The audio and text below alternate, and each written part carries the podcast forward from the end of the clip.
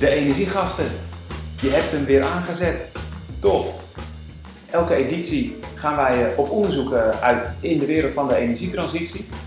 Elke keer is het een ander onderwerp. Kan warmtepompen zijn, kan infrarood zijn. Maar deze keer is het kleinschalig wind. Timo, jij bent mijn co-host. Maar vandaag niet. En dat is leuk. Want jij werkt bij EAZ Wind. En dat doe je al best een tijd. Ehm, je werkte er al voordat wij met de podcast begonnen. En vanaf het begin wilde ik het al een keer met jou daarover hebben. Alleen het voelt toch een beetje gek hè, om dan over je eigen bedrijven te gaan hebben. Ja, het is een beetje onwennig ook wel hoor. Zo van, oké, kijk mij nou eens wat ik doe. Alleen ondertussen gebeurt er zoveel in die hoek. En vooral in Groningen, waar jullie begonnen zijn, waar jullie zitten. We zitten nu ook in Hoge Zand. eh, op jullie productielocatie. Je moet je voorstellen, ik zit nu in een bouwketen met Timo. Eh, we hebben ook een windmolenblad hier staan. Jullie maken je eigen windmolens van houten bladen. En we kijken zeg maar uit op de fabriek. Ehm, het is ook een beetje gehoorig, dus eh, de, de geluidskwaliteit zal niet optimaal zijn. Eh excuus, Maar dan heb je wel echt, echt een bouwgevoel erbij. Precies. We hebben nog net niet de, de bouwhelm op. Dat kunnen we ook doen. De kaplazen aan. Maar we zitten dus lekker in de keten. Een bakje koffie erbij. EAZ Wind zit in een kleinschalig wind. Wat is kleinschalig wind? NWA, de Nederlandse Windenergieassociatie, die eh, definieert dat als windmolens met een diameter tussen de 2 en de 14 meter. Ze hebben het over de bladen. Alles daaronder, 2 meter en kleiner, dat is mini-molens. Ook leuk, gaan we het misschien een keer over hebben, maar nu hebben we het over 2 tot 14 meter. En alles daarboven, dat is vaak waar wind over gaat. Dus de, wind op zee, wind op land, de grote turbines. Dat, daar hebben we het meestal over. Alleen een kleinschalig wind, beetje ondergeschoven kindje. Alleen het toffe is, is dat in Groningen, waar we natuurlijk te maken hebben met aardgas, bevingen, een provincie die voorop kan lopen in de energietransitie, daar gebeurt ook ontzettend veel. Alleen dan gaat het dus vaak over waterstof en over biogas en over de gastransitie. Alleen daar gebeurt dus ook heel veel op het gebied van wind. Want mocht je nog nooit in Groningen zijn geweest, ofwel als je er vandaag gaat rondrijden, weet ik zeker dat je binnen 5 minuten rijden een houten windmolen van EAZ tegen gaat komen. Zo groot als een boom ongeveer, een grote boom. Maar dat is alleen als je erop let. Oké, een kleine noot, alleen als je erop let. Hou je ogen open, let erop, dan kom je één tegen. Er staan ondertussen 150 in de provincie ongeveer. En eh, die staan veel bij boerenbedrijven. Hoe is het om in die sector actief te zijn? Hoe ziet die sector eruit, kleinschalig wind, in Nederland en internationaal? Hoe is het om dat bedrijf te bouwen? En vooral ook, hoe, Timo, ga jij de wereld veroveren met EAZ Wind? Dat is deze editie van de Energiegasten.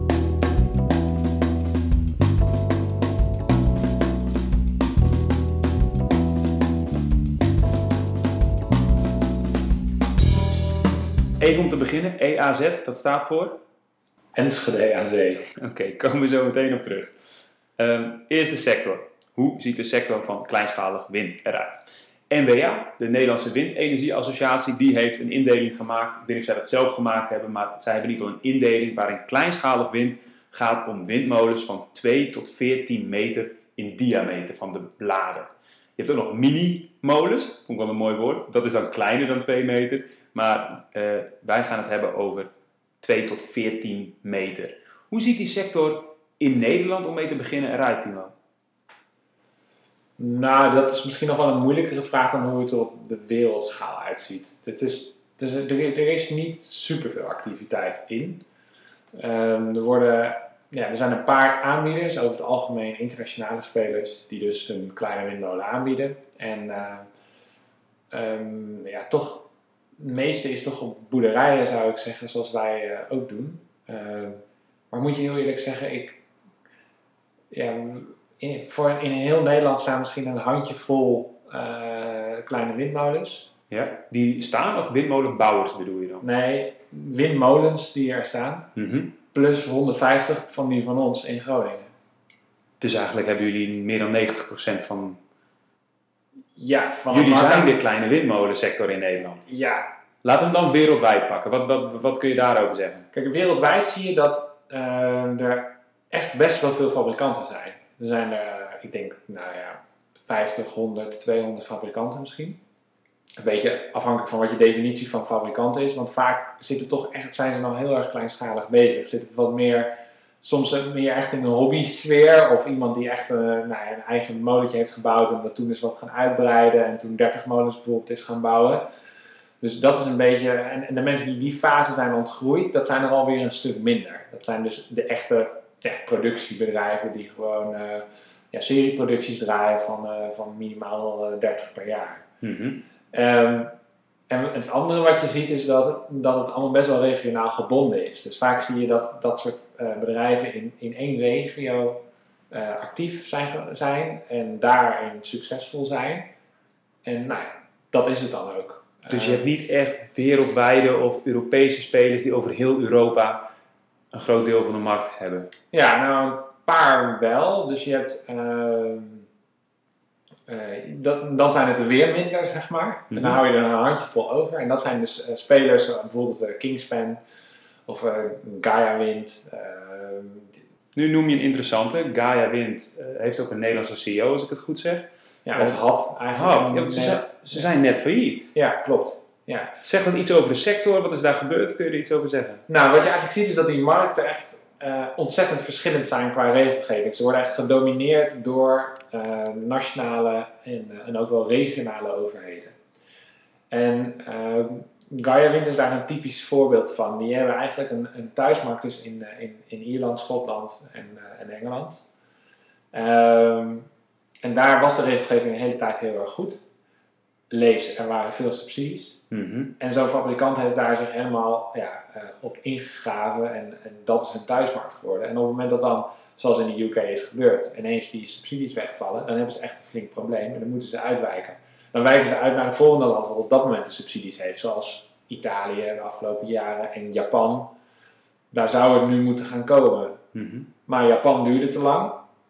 En dan lukt het niet om dat gat te overbruggen. En dan zie je dat zo'n partij failliet gaat. Dus die, en dat is, en dat, is, dat is niet te wijten aan Gaia Wind, maar dat is eigenlijk een patroon wat we in die hele sector elke keer weer hebben gezien. Dat ze toch best wel afhankelijk zijn van dat soort overheidssubsidies. En dat het ze niet op tijd lukt om te schakelen op het moment dat dat verandert. Oké. Dat, dat heeft ook meteen een, een, haakje voor mij naar hoe jullie dat doen, maar daar komen we later op terug. Um, je zegt er zijn een handjevol spelers die het internationaal proberen, waarin het alsnog een grote uitdaging is om dat te doen. Uh, en dat heeft dus meteen met die business case te maken, die, zeg jij, veel van subsidies, of eigenlijk altijd van subsidies afhankelijk is. Klopt dat? Ja, dat klopt wel. Voor het verleden zeker. Ja. Oké. Okay. Hoe ziet die, hoe ziet die um, uh, business case voor een kleinschalige windmolen eruit? Nou, die ziet er eigenlijk hetzelfde uit als uh, met zonnepanelen. Dus het gaat erom dat je je eigen stroomrekening uh, reduceert. Dus je gaat... Eigen verbruik heb je. Eigen verbruik. Achter de meter aansluiten. Dat is wel echt, zeg maar in het formaat waar we het nu over hebben, dat is voor, vooral voor, voor boerderijen of voor dorpen of voor, voor een paar huishoudens samen. Die kunnen dus stroom betrekken van zo'n windmolen. Uh, zo'n boer sluit dat dan achter de meter aan. En die kan daardoor zijn energierekening reduceren. Ja. Dus eigenlijk heb je het dan in Nederland, als we even het wereldwijde loslaten, in Nederland heb je het dan ook over salderen, wat je doet, net als bij zonnepanelen. Klopt. Dus wat er gebeurt is op dit moment nog dat het zo is dat je nou ja, uh, gratis je stroom in het netwerk mag opslaan. Het maakt niet uit wanneer het geproduceerd wordt en wanneer je het verbruikt, dan kun je altijd gewoon tegen elkaar wegstrepen. Is er dan nog iets anders wat erbij komt in een business case, een andere subsidie die van toepassing is op wind? Ja, je hebt, het, je hebt in Nederland toch aan de standaard uh, groene stroom uh, subsidie, de uh, stimulering duurzame energie, de SDE-regeling. En daar maakt de kleine windmolen ook gebruik van. Dus die heeft en de SDE plus regeling ja. en het salderen. Ja. Uh, dus dat betekent dat voor elke geproduceerde kilowattuur nog een extra bonus komt vanuit de SDE plus regeling. Klopt. En hoeveel, hoeveel cent heb je het dan over? Uh, 2,2 cent. Oké. Okay. Ja. Okay. Um, dat, dat, dat aan de business case. En als je dat bij elkaar hebt, um, wat voor terugverdientijd waarin vaak zonnepanelen worden gerekend. Wat voor terugverdientijd heb je dan over bij een, een kleine windmolen? Ja, dezelfde orde grootte als bij zonnepanelen. Um, wat we vaak zien is dat, dat, dat boeren um, problemen krijgen met hun piekvermogen. En dat heeft te maken als ze met zon aan de slag gaan. Mm -hmm. Dus de zon uh, heeft natuurlijk, wekt al zijn energie op precies rondom het middaguur. En nou, dat is precies de tijd waarop de boer die nodig heeft, want die melkt ochtends en 's avonds. Ja. En dan wordt al die stroom wordt in het energienetwerk gestopt. En dan moeten ze dus een vrij zware aansluiting hebben om al die stroom af te kunnen voeren. Die ze nog niet hadden. Die ze nog niet hadden. Alleen dat is met wind toch ook zo? Want bij wind kan het zijn dat die zuidwester... eh, Nee, bij wind is dat dus niet zo. Het mooie is dus dat je als je een 10, 10 kilowatt zonneinstallatie eh, neemt, hè, dan kan je misschien eh, 10.000 kilowattuur per jaar dan mee opwekken. Mhm. En al die 10.000 kilowattuur wordt allemaal rondom het middaguur opgewekt en allemaal in de zomer opgewekt. Ja. Dus best wel in een geconcentreerde tijd. Een 10 kilowatt windmolen, en dan kan je tussen de 30 en de 40.000 kilowattuur per jaar opwekken. Dus dat is drie tot vier keer zoveel. dus je hebt een veel vlakker profiel. Je hebt een veel vlakker profiel. En dat is het grote voordeel van een kleine windmolen ten opzichte van een zonnepaneel. En dat betekent voor heel veel van onze klanten dat zij gewoon een, op een bestaande aansluiting, hè, dus eh, je hebt misschien een, een boer heeft vaak bijvoorbeeld een 3 keer 35 ampère aansluiting, kunnen ze op die bestaande aansluiting kunnen ze die windmolens aansluiten en kunnen ze hun hele verbruik afdekken. Dan kunnen ze genoeg kilowatturen opwekken om hun verbruik af te dekken, zonder dat ze een hele zware aansluiting hoeven te krijgen. Hmm. En bij zonnepanelen is het zo dat ze vaak sowieso, dat ze eigenlijk sowieso omhoog moeten in aansluiting. Maar ook heel vaak dat ze zelfs met een maximale aansluiting die je kan hebben als boer, toch nog niet genoeg kilowatturen kunnen opleveren met een zonnepaneel. Ah, oké. Dus voor het profiel van eh, de agrarische bedrijven zit de kleinschalige wind perfect. Ja. Maar het is niet zo, het is niet een pleidooi dat ik zeg je moet geen zon gebruiken, zon is slecht. Maar dit is wel een heel duidelijk onderscheid wat er tussen is. Maar de conclusie wat ons betreft is, je moet wind en zon combineren. Ja. Want als je, je hebt wind in de winter, je hebt zon in de zomer. En dat vult elkaar heel erg goed aan. En zelfs op dagniveau, als het een winderige dag is, is, is er vaak geen zon en andersom. Dus het zijn eigenlijk twee energiebronnen die je heel goed samen kan Ja.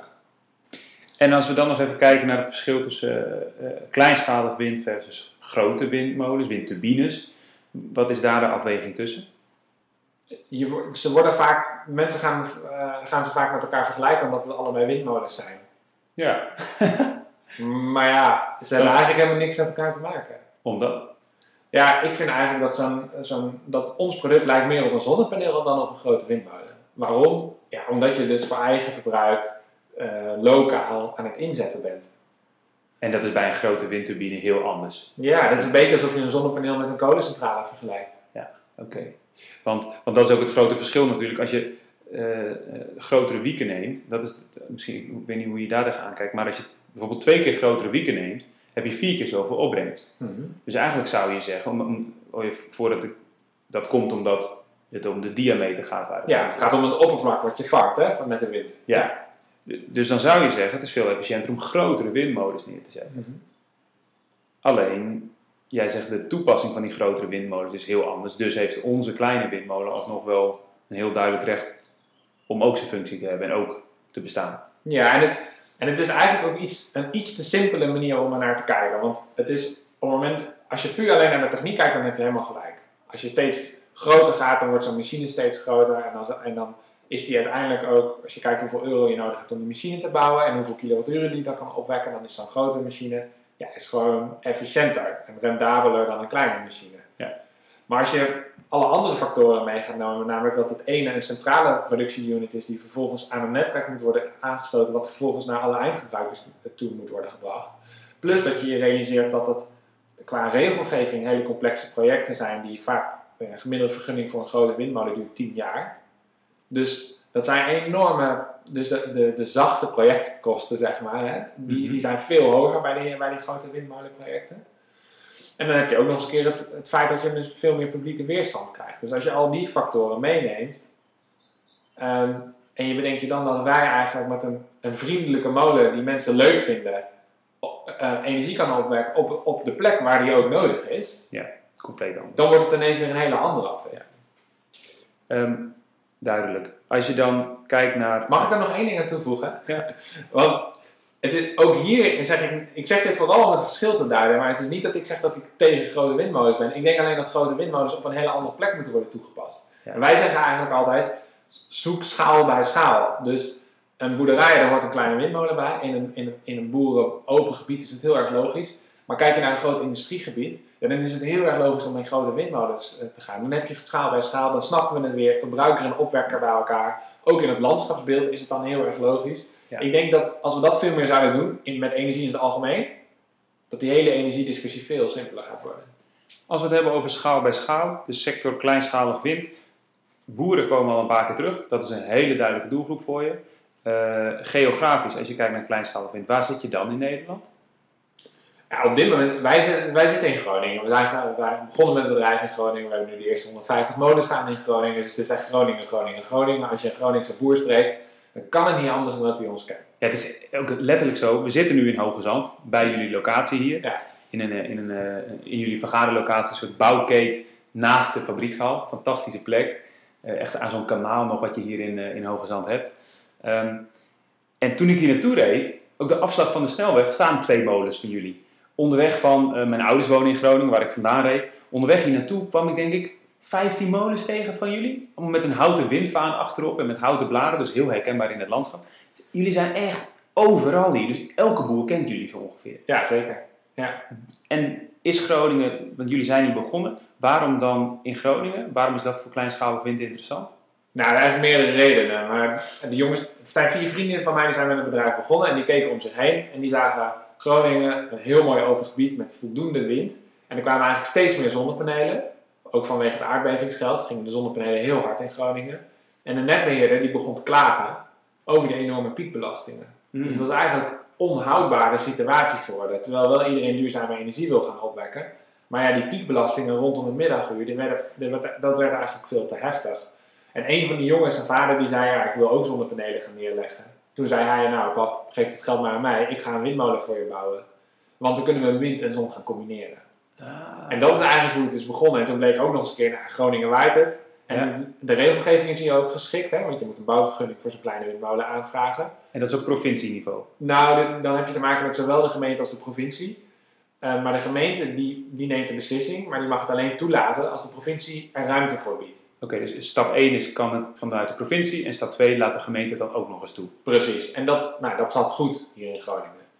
Dus die combinatie eigenlijk van nou, de eerste aanleiding hier, de eerste klant, het feit dat hier wind is, het, het landschap wat zich en de situatie die zich ervoor leent en de regelgeving die goed is. En als je, als je wat verder kijkt dan alleen Groningen, de geografie of de, de windprovincies in Nederland, dat zijn natuurlijk kustprovincies. Dan hebben we het over Zeeland, Zuid, Noord-Holland, Friesland, Groningen. Welke provincies daarvan kun je allemaal nu nog meer terecht met kleinschalig wind? Nou, wat we eigenlijk zien is dat op het moment dat we dus wind en zon op een slimme manier gaan combineren, en in de toekomst ook nog met een beetje een stukje opslag bij, dat we eigenlijk in bijna alle provincies in Nederland een aantrekkelijk aanbod kunnen neerleggen. Ook in de wat minder wind. Ook in de wat mindere windprovincies. En daar zijn we nu ook mee begonnen. Dus we zijn nu begonnen in Zeeland en Utrecht en in Zuid-Holland. Zijn we nu de eerste projecten aan het realiseren. Ja. En op het moment dat het salderen eraf gaat in Nederland, dan wordt het dus nog veel belangrijker dat je die kilowatturen gaat opwekken op het moment dat je ze daadwerkelijk nodig hebt. Dus worden jullie relevanter. En dus ja, wordt het eigenlijk nog veel relevanter om, om goed naar die mix te gaan kijken. En wat wij zien is dat we dan met die combinatie van wind met zon Ja.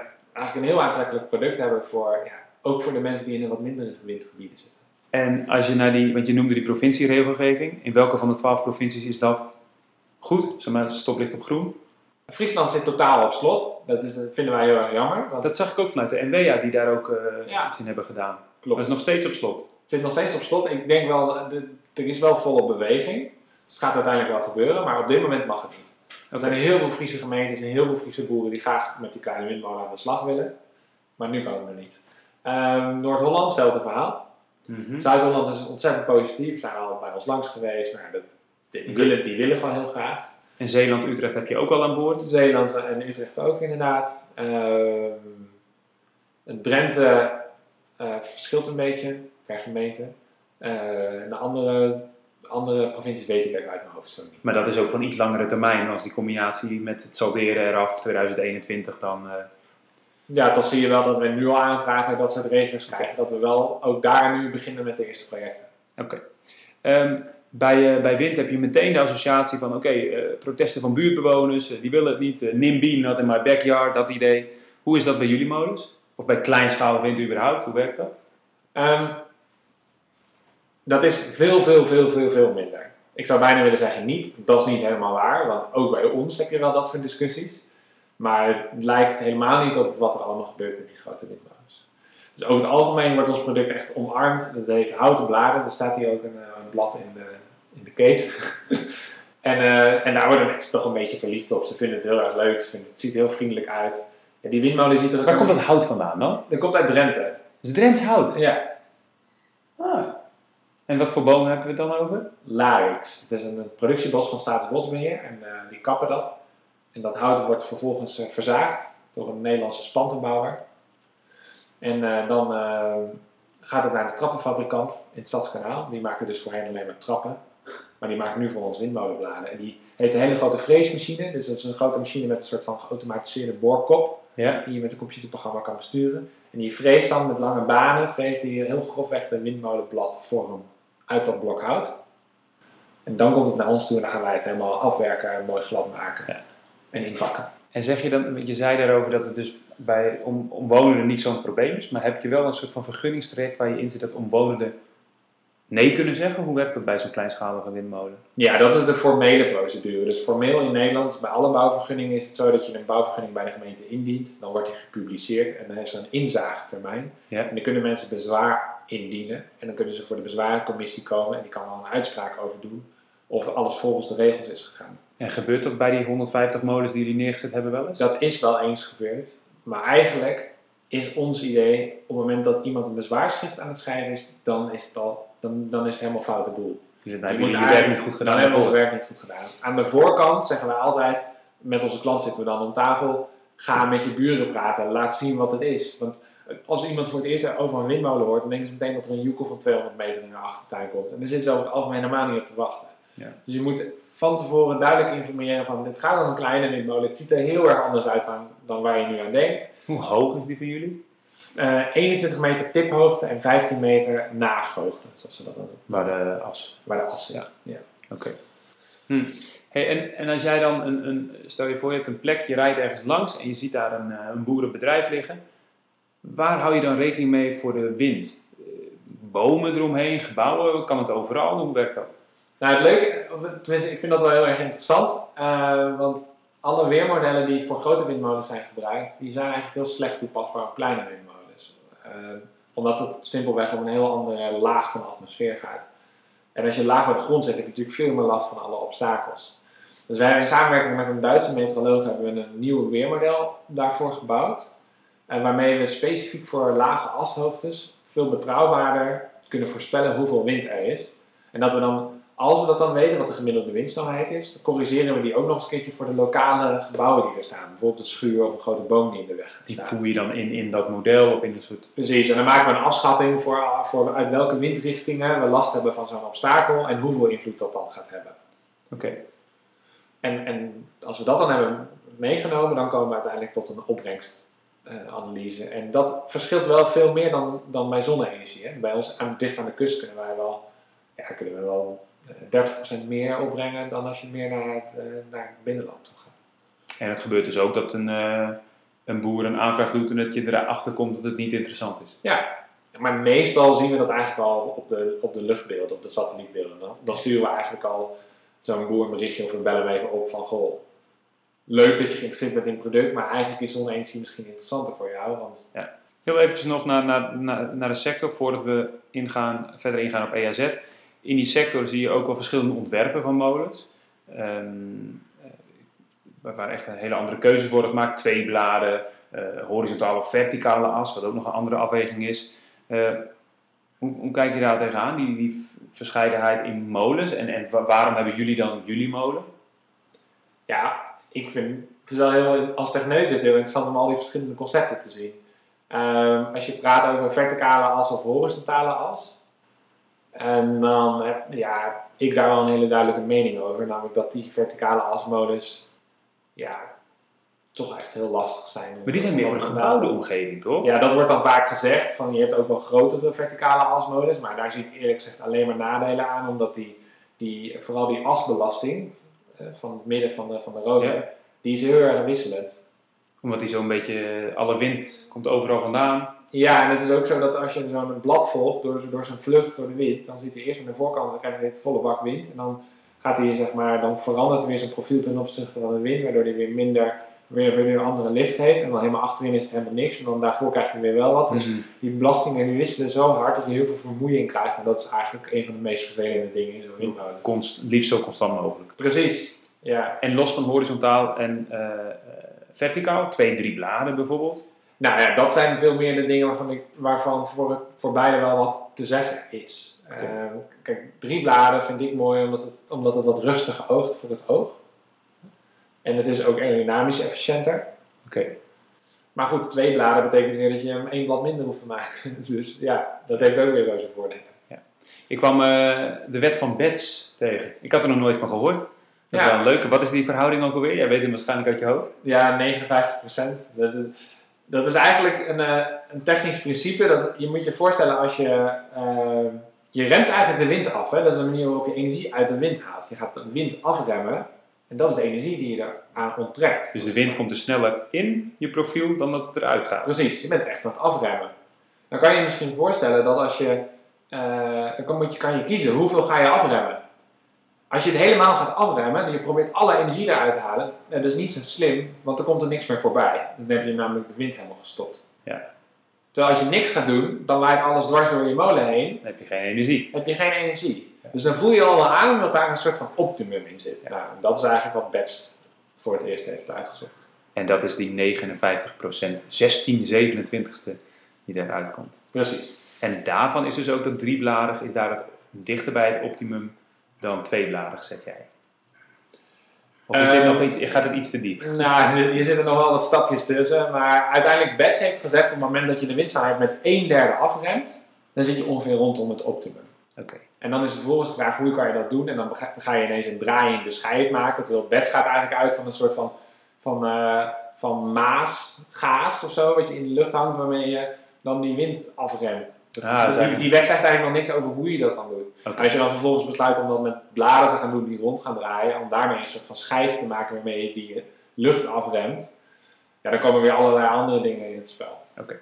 Ehm, een van de dingen die eruit komt en waarin molens ook allemaal verschillen, dat is dus hoeveel rendement ze uit de wind kunnen halen. En dat wordt altijd in de CP-waarde uitgedrukt die daarover gaat. Gaan we nu verder niet op in, maar dat is, eh, dat is de technische achtergrond. Maar het is wel interessant om te horen misschien dat wij ons helemaal niet richten op CP. Hoe zit dat? Wij willen toch zoveel mogelijk energie uit de wind halen? Ja, maar uiteindelijk is het wel het belangrijkste niet dat we de meeste energie eruit halen, maar dat we het meest optimale financiële rendement voor die molen halen. En dat is ook mijn, mijn kritiek eigenlijk op veel kleine windmolenontwerpen, dat het grote windmolens in het klein zijn, die heel erg complex zijn, die misschien technisch gezien heel efficiënt zijn, dus een hoge CP hebben, maar veel te, zichzelf daar helemaal uit de markt hebben geprijsd. Omdat materiaal dan bijvoorbeeld heel duur wordt of onderhoud, is dat wat daarachter Ja, zit? onderhoud, wilt super gladde bladen, waardoor je die bladen heel duur maakt, waardoor vervuiling ineens heel erg is. Hele complexe regeltechniek met allerlei elektronica. En wij hebben eigenlijk gezegd van we gaan ons niet richten op een optimale CP, maar we gaan een hele simpele eh, molen maken met weinig onderhoudskosten, die gewoon betaalbaar is.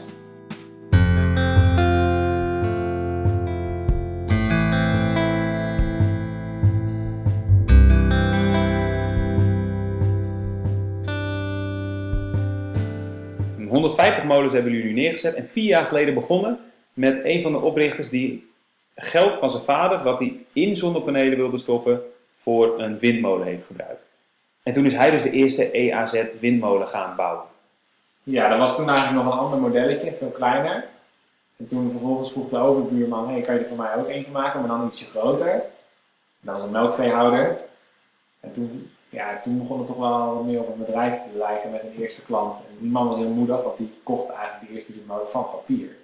Die heeft toen het ook gewoon aanbetaald. Van hout is het toch, of niet? Ja, klopt. Het is vier vrienden van jou die het opgericht hebben en Precies. jij bent er later Bijgekomen. bijgekomen. Oké. Eh, die fase hè, van vier jaar geleden tot nu, je noemde eerder het aantal 150, dus jullie hebben in vier jaar tijd 150 molens verkocht. Als je terugkijkt op die vier jaar, wat zijn dan de kritische momenten geweest, succesmomenten waar, waar bepaald is, oké, EAZ, pak momentum, we halen het wel, we gaan door. Omdat, juist ook omdat je in die hoek ziet dat veel bedrijven omvallen en Ja. niet redden. Ik denk dat. ehm, ik denk eigenlijk dat één ding daarin cruciaal is geweest. En dat is dat we niet hebben geprobeerd om eerst een perfect product te maken en het dan aan de man te gaan. Dus we hebben eigenlijk eigenlijk vanaf zoals het is begonnen, namelijk met, gewoon met, eerst met je klant praten en vragen wat hij wil en dan pas de windmolen ontwerpen. Ja. Zo is het steeds doorgegaan. Dat we die eerste zes molens hebben gebouwd voor de klanten die daar dan weer omheen wonen. En ook altijd eerlijk zijn geweest, hey, dit zijn de eerste molens, daar gaat sowieso iets aan stuk. Dat, wat weten we nog niet, maar het gaat sowieso stuk. En daar zijn we altijd eerlijk over geweest. Want je moet met ons in zee gaan, omdat je het geloof hebt dat wij de problemen die we tegen gaan komen, dat we die oplossen. En op die manier zijn we dat verder gaan uitbouwen. En toen kwamen die eerste 50 en de eerste 60. En dat was nog steeds eigenlijk vanuit die overtuiging. En dat is nog steeds zo, dat als boeren met ons om tafel zitten en zeggen, ja, maar jullie bestaan pas vier jaar, die eerste molen draait pas vier jaar, hoe kan je me dan beloven dat die 20 jaar draait? En dan is ons antwoord, ja, dat kunnen we beloven omdat we de problemen die we gaan oplossen, tegenkomen, dat we die oplossen. Maar ik kan u niet garanderen dat deze molen 20 jaar gaat draaien, want dat hebben we simpelweg nog nooit gezien. Dus zeg je eigenlijk, jullie verkopen 20 jaar windenergie en niet 20 jaar een product dat het doet? Ja, bijna wel. We zijn eigenlijk van het begin af aan heel eerlijk geweest over ja, hoe we kijken naar die, naar die ontwikkeling van ons product. Ja. En toen stonden er inmiddels een stuk of 50. En toen bleek dat, dat, dat de lagers van ons blad stuk gingen. Toen hebben we iedereen uitgenodigd in de fabriek. Toen hebben we heel precies gaan uitleggen van wat we al wel en wat we nog niet wisten. En dat is elke keer super spannend. Want je denkt, nou, nu worden we keihard op afgerekend. Dat je dat je, je zo kwetsbaar opstelt. Maar er staan dus letterlijk 50 boeren hier uit de provincie Groningen komen naar Hoge Zand, waar Ja. we nu zitten, toe. Ja, En jullie hebben dan het voorbereid, leg het uit. En dan kan ook een moment ontstaan dat een boer zegt, ja gasten, dit is niet de bedoeling, ik Ja. stap eruit, ik wil mijn geld terug. ja. Maar dat gebeurt dan niet. Nee, en dan zie je dus dat, je, dat elke keer is dat dan weer die opluchting, dat je dan dat vertrouwen terugkrijgt van die klanten. Dat ze dan zeggen, ja, gingen alle bedrijven er maar zo mee om, want mijn schudder die is ook al stuk. Weet je, die is op de boerderij hebben staan. En dan bel je op en dan zeggen ze, ja, dat probleem hebben we nog nooit gehad. Als je denkt, wat is een schudder? Dat is een apparaat dat je voor gras Ja, precies. gebruikt. Je. Je zit goed in de boerenterm ook. Ja, ja, ja. Kom jij van een boerenbedrijf? Nee, nee, nee. En hoe is het dan met boeren? Zo, je, jij doet al je business met boeren. Ja, Hoe is dat? ja, het is heel leuk. Dit zijn gewoon hele prettige mensen om zaken mee te doen. Het is, het is heel direct. Je weet wat, elkaar aan, wat, wat je aan elkaar hebt. En het is vooral het woord wat telt. En uiteindelijk schrijf je dat natuurlijk nog op in een contract. Maar je weet gewoon als je elkaar aankijkt en zegt wij gaan dit doen. Dan zul je ook allebei alles erin in het werk stellen om ervoor te zorgen dat die windmolen komt. En dat doen jullie dus ook. Dus eigenlijk hebben jullie de boerenmentaliteit in jullie bedrijf zitten. Want jullie fixen gewoon die 20 jaar. Ehm, en je zegt dat dat is ook een verschil met andere windmolen, kleine windmolenfabrikanten die vaak een iets andere strategie kiezen. Die eerst een perfect product willen. Is dat ook wat je zegt? Nou, dat, dat durf ik niet helemaal zo te zeggen. Het is meer een algemene observatie als je naar technische productontwikkelingen kijkt. Dat ik denk dat te vaak mensen nog op het ontwikkelen blijven hangen en niet die durf hebben om direct naar hun eerste klant toe te stappen en daarmee verder te gaan. Er zit ook een groot risico in. Want dat lager eh, verhaal wat je noemt, kan er ook voor zorgen dat de kosten zo hoog zijn dat je die niet ingeschat hebt van tevoren. Waardoor je ineens wel in financiële nood komt. Hoe is dat? Precies, dus dat is eigenlijk ook in onze planning van de groei van ons bedrijf, is dat het meest bepalende waar wij naar kijken. Van hoeveel problemen komen we tegen? Wat zijn daarvoor de kosten? Welke risico's zitten er nog in het product die we nog niet uit kunnen sluiten? Wat zijn daar de potentiële kosten van? En kunnen we dat dan dragen? En wij zeggen altijd dat de shit moet gelijk blijven, dus het aantal molens neemt toe, maar de problemen per molen blijven, nemen af. En als het goed is, blijft het ongeveer constant. Op het moment dat Je bedoelt, je hebt evenveel onderhoudsmonteurs rondlopen. Precies. Je hebt evenveel onderhouds, je bent ongeveer even, evenveel tijd en geld kwijt aan, aan, aan onderhoud als daarvoor. En dat, dat loopt niet gillend uit de hand. Oké. En dat is, wat je, wat je, dat is je doelstelling, om dat op die manier te halen. Nee, nou, dit is niet per se een. eh, ja, dat is. Als wij nadenken over de toekomst van ons bedrijf, dan is dat waar we naar kijken. Dus hoe snel wordt ons product volwassen? En dus hoe snel kunnen we groeien? Alleen je zou toch ook kunnen zeggen, je kunt harder groeien als je meer onderhoudsmonteurs erbij neemt? Ja, alleen op een bepaald moment is het een soort van tipping point. Dan ben je zoveel snel, zoveel nieuwe problemen eigenlijk in het veld aan het neerzetten, omdat je nog een onvolwassen product hebt, dat het totaal uit de hand aan het lopen is. Oké, dus jullie groeien eigenlijk bewust misschien wel iets minder hard. Dus ik kan me voorstellen, als je bijvoorbeeld, eh, je hebt nu heel duidelijk gefocust in de afgelopen jaren op Groningen. Eh, je had ook al meteen Zuid-Holland erbij kunnen pakken, maar dat is misschien ook wel een reden voor wat hiermee te maken heeft. Precies, ja, omdat we vonden dat ons product er niet klaar voor was om dus op grotere afstanden ook installaties uit te gaan. Hoe volwassen is dat product nu dan? Ja, eh, we, zi- we zien nu dat wij gewoon zo'n molen kunnen laten draaien voor meerdere jaren achter elkaar zonder dat we erbij hoeven. En hoe lang is dat dan? Ja, drie jaar, vijf jaar, dat is waar we nu eh, onze, onze doelstellingen op hebben. Hè. Dus we hebben ook, ja, daar kijken we wel heel erg strak naar, van hoe lang hebben wij nodig hoe lang kan zo'n ding onderhoudsvrij draaien? Ja. En als je dan nu kijkt, 150 molens in vier jaar tijd, heb je heel duidelijk een aantal waar je naartoe wil. Nou, op dit moment zien we dus dat de molens die, die, nu nog die we nu installeren, die, daar hebben we een aantal jaar geen omkijken naar. Maar de molens die we de afgelopen tijd hebben geïnstalleerd, ja, dat zijn molens waar we allemaal even langs gaan. Dus deze zomer gaan we langs onze complete vloot gaan we even langs. om iets te doen. Ja, om verschil per molen, maar Ja. om een servicebeurt te geven. Alleen de molens die nu geproduceerd worden, hebben dus een aantal jaren onderhoudsvrij. Ja. En heb je dus dingen al opgelost. Ja. 150 molens nu verkocht. Hoeveel verkoop je het komende jaar? En eh, we, we installeren er 100 per jaar. Dus we hebben er nu tot nu toe 150, eh 156 geïnstalleerd. En dan komen er elk jaar 100 bij. Ja, en het plan is om dat eh, verder te gaan laten groeien. En we zien nu dus dat we eigenlijk in Groningen onze, onze springplank hebben gehad. Dat we nu al in andere regio's, ook in Nederland, en dat het begint eh, te lopen. Daar zijn we eigenlijk nu net mee begonnen. We zien ook dat in België wel, eh, wel nieuwe kansen. En we hebben gezegd van ja, we willen, uiteindelijk is onze missie om elk boerenerf in de wereld van energie te gaan voorzien. Van energie. Ja. Dus eigenlijk zeg je hiermee ook al dat je productportfolio breder is dan de windmolen. Absoluut. Ja. En dat is wat ik eerder ook zei. Wij, onze, ons geloof is heel erg dus dat we naar die combinatie van wind en zon en een klein beetje opslag, dat dat echt een, een winnende combinatie is. eh, die, waarmee je gewoon op ieder moment van het jaar eh, altijd de stroom kan leveren op het moment dat de boer het ook nodig heeft. En doe je dat nu al? Heb je nu al dat je op bepaalde eh, projecten niet alleen een molen hebt neergezet, maar ook wind en ook opslag? Ehm, niet, ook wind zeg je? Nee, ook zon bedoel ik. Ook zon bedoel ik, ja, want wind is nogal logisch. Ja. Precies. Eh, we zijn nu eigenlijk eerst met de eerste stap bezig. Dus we hebben wel gekeken naar de haalbaarheid van de opslag. Maar we hebben eerst, een stap aan het maken dat we een combinatie met zon aan het doen zijn. Op het moment dat we dat onder de knie hebben, gaan we die combinatie met de opslag maken. En dat is wel echt de combinatie waarmee wij zien dat we ook internationaal verder door kunnen. Dus eigenlijk zeg je, als we dat ontwikkeld hebben, dan gaan we internationaal echt eh, verder. Nee, dat is wel echt iets wat parallel loopt. Dus op dit moment zijn we en met die technische ontwikkeling bezig om wind plus zon plus opslag voor elkaar te krijgen. En daarnaast zijn we ook de markten aan het ontwikkelen. En dat is wel een van de allergrootste uitdagingen als het gaat over kleine windmolens.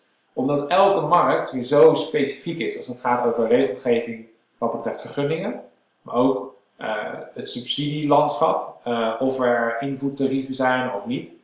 Ehm, subsidies zijn in die zin lang niet altijd positief, omdat ze vaak ook vertragend werken eh, voor projecten. En hoe het zit met aansluiting op het netwerk. Nou, dat, dat zijn allemaal verschillende dingen die je moet leren. Vaak, vaak is ook het sentiment rondom kleine windmolens voor ons belangrijk om in een markt te snappen. Dus het kan echt wel lang duren voordat je zo'n markt ook echt kan gaan ja, kan starten. Daarom hebben wij eigenlijk gezegd, we gaan nu pilotprojecten starten in meerdere landen. Daar zijn we nu mee begonnen. We hebben de eerste elf molens in Duitsland verkocht. We hebben de eerste molens in Canada, Nieuw-Zeeland, eh, België, eh, UK. En nou, dat zijn eigenlijk allemaal zaadjes die we nu planten. Om dus die markten te ontwikkelen en parallel daaraan eh, ervoor te zorgen dat we dat zon, wind plus zon plus opslag voor elkaar hebben. Dan noem je nog wel een leuk rijtje. Dat is redelijk verspreid over de wereld, om het zo maar te zeggen. Ja, maar voor Nieuw-Zeeland, Canada. Ja. Waar wij heel erg naar kijken zijn, eh, eh, zijn goede boerengebieden. En eh, dat is eigenlijk het allerbelangrijkste. En dat is de- de- het eerste waar je naar kijkt. En dan het tweede waar je naar kijkt is van hoe ziet de regelgeving eruit en, eh, en waait het een beetje. Ehm, en dat is anders dan andere kleine windmolenfabrikanten. Zoals ik eerder al zei, die kijken toch vooral heel erg naar waar kan ik de hoogste marge maken. Dat is het land waar ik nu moet zijn. En daar ga ik even de komende jaren cashen en daarna ga ik ergens anders naartoe. Terwijl wij eigenlijk zeggen, nee, we moeten die kostprijs van die molen nog verder naar beneden krijgen. Dat is waar wij vanaf het begin af aan mee bezig zijn. En wij kijken vooral naar hoe stabiel is een markt.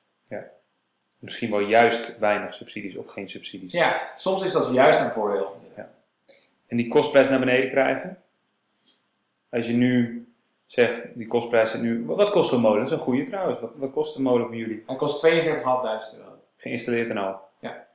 En dat wil je naar beneden hebben, zeg je.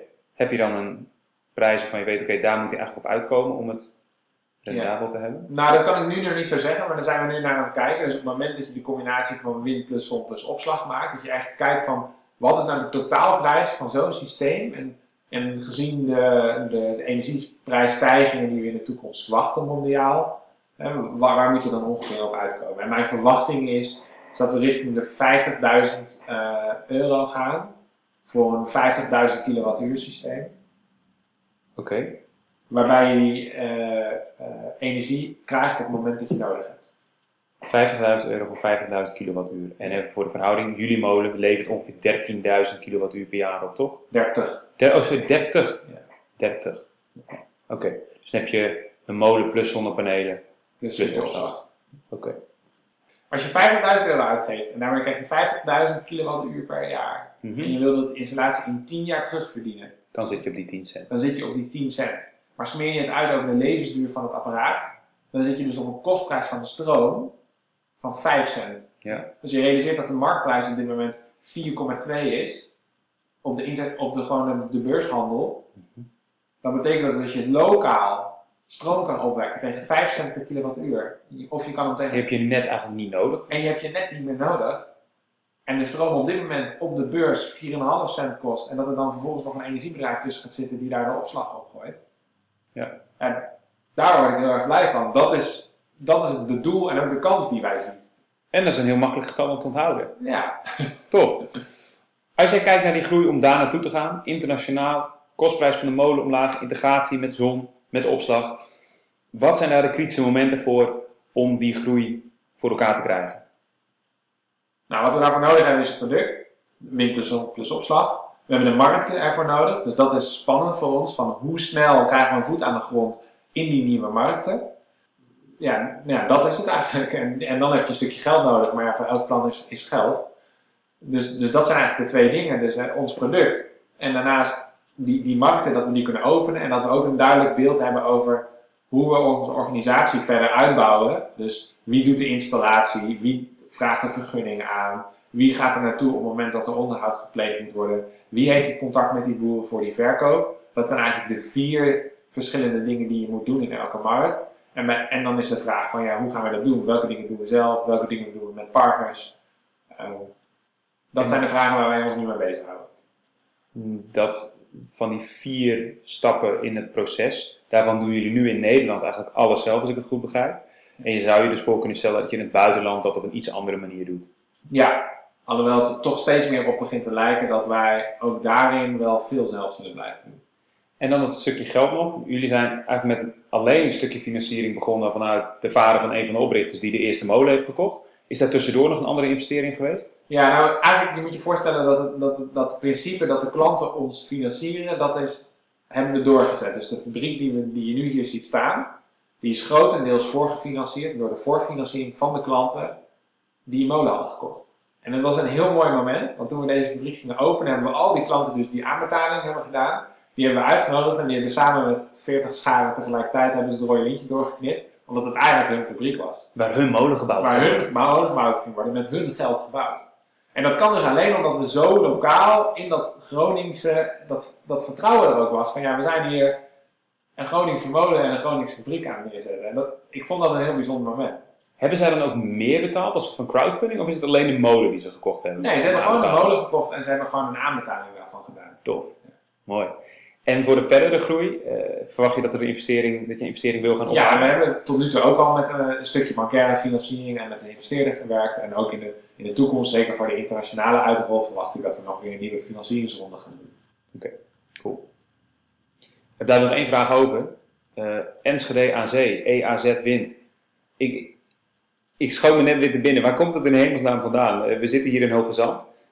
Groningen gebeurt alles. En dan moet je boeren in Groningen gaan uitleggen en zo meteen in Zuid-Holland en Zeeland dat je Enschede aan zee heet. Ja. Moet die naam niet veranderd worden? Maar eerst, waar komt die naam in hemelsnaam vandaan? Ja, die, die- dat is eigenlijk een studentengrapje, want we hebben elkaar leren kennen in, eh, tijdens onze studie in Enschede. En we hebben altijd al liefde voor de wind gehad, omdat we gingen eh, surfen. Ja. En dus droomden we er altijd van dat Enschede aan zee zou komen te liggen. We hebben er een tijdje lang ook wel hard aan gewerkt, en dat we iedere keer van het, van het strand eh, zand meenamen terug naar Enschede. Met als idee dat uiteindelijk dan Enschede aan zee zou komen te liggen. ja. Dus daar is- komt het vandaan. Dat is toch een beetje ironisch, want nu zou je juist verwachten dat als het niet zo goed gaat met duurzame energie, dat Enschede op den duur weer aan zee komt te liggen. Dus eigenlijk willen jullie nu misschien ook wel voorkomen dat Enschede aan zee komt. Precies. Ja. Oké, oké. En ehm, een naamsverandering? Ja, dat ligt heel gevoelig. Oh, echt? Ja. Hebben we nu een hot topic? Ja. nee, maar ja, je, je, just pick a name and go for it, zeggen ze wel eens. Dat is het ook. Uiteindelijk kent iedereen EAZ, zoals het is. En buitenlanders zeggen vaak Easewind. Nou ja. Easewind. Easewind. Dat is ook wel dat is een beetje de Jamaica Ease. Ja, precies. Oké, cool. Eh, Timo, thanks. Eh, we zetten wat links onder de, onder de podcast. Dus mocht je meer willen weten over bijvoorbeeld wat daar in Friesland, eh, wat NWA daarin heeft gedaan en wat daar gebeurt om, om ook Friesland aan de kleine molens te krijgen. Ook een link naar jullie site ehm, staat er tussen. En eh, tof! Succes met, eh, met de uitrol in het buitenland, in Nederland. Thanks. Dankjewel. Ik zie er ook naar uit om de volgende keer weer aan de andere kant van de tafel te zitten, Peter. Mocht je trouwens tips hebben voor een editie eh, die eraan komt, mocht jij een onderwerp hebben rondom de energietransitie, laat het weten. Ik sprak net iemand die wilde heel graag dat we een keer kernenergie in gingen duiken. Nou, dat wordt waarschijnlijk een eh, verhitte discussie. Mocht jij zelf een tip hebben, laat het ons weten. Via energiegasten.nl kun je ons eh, benaderen. Ehm, en delen van deze editie of andere edities kan natuurlijk ook. Eh, je vindt alle edities via je podcast app. Of iTunes podcast app. Eh, hoe heet die? Gewoon via je iPhone als je die hebt. Of via, wat gebruik jij ook alweer? Ik gebruik podcast Addict op Android. Cool. Zoek hem op, deel hem. Thanks voor het luisteren en tot de volgende.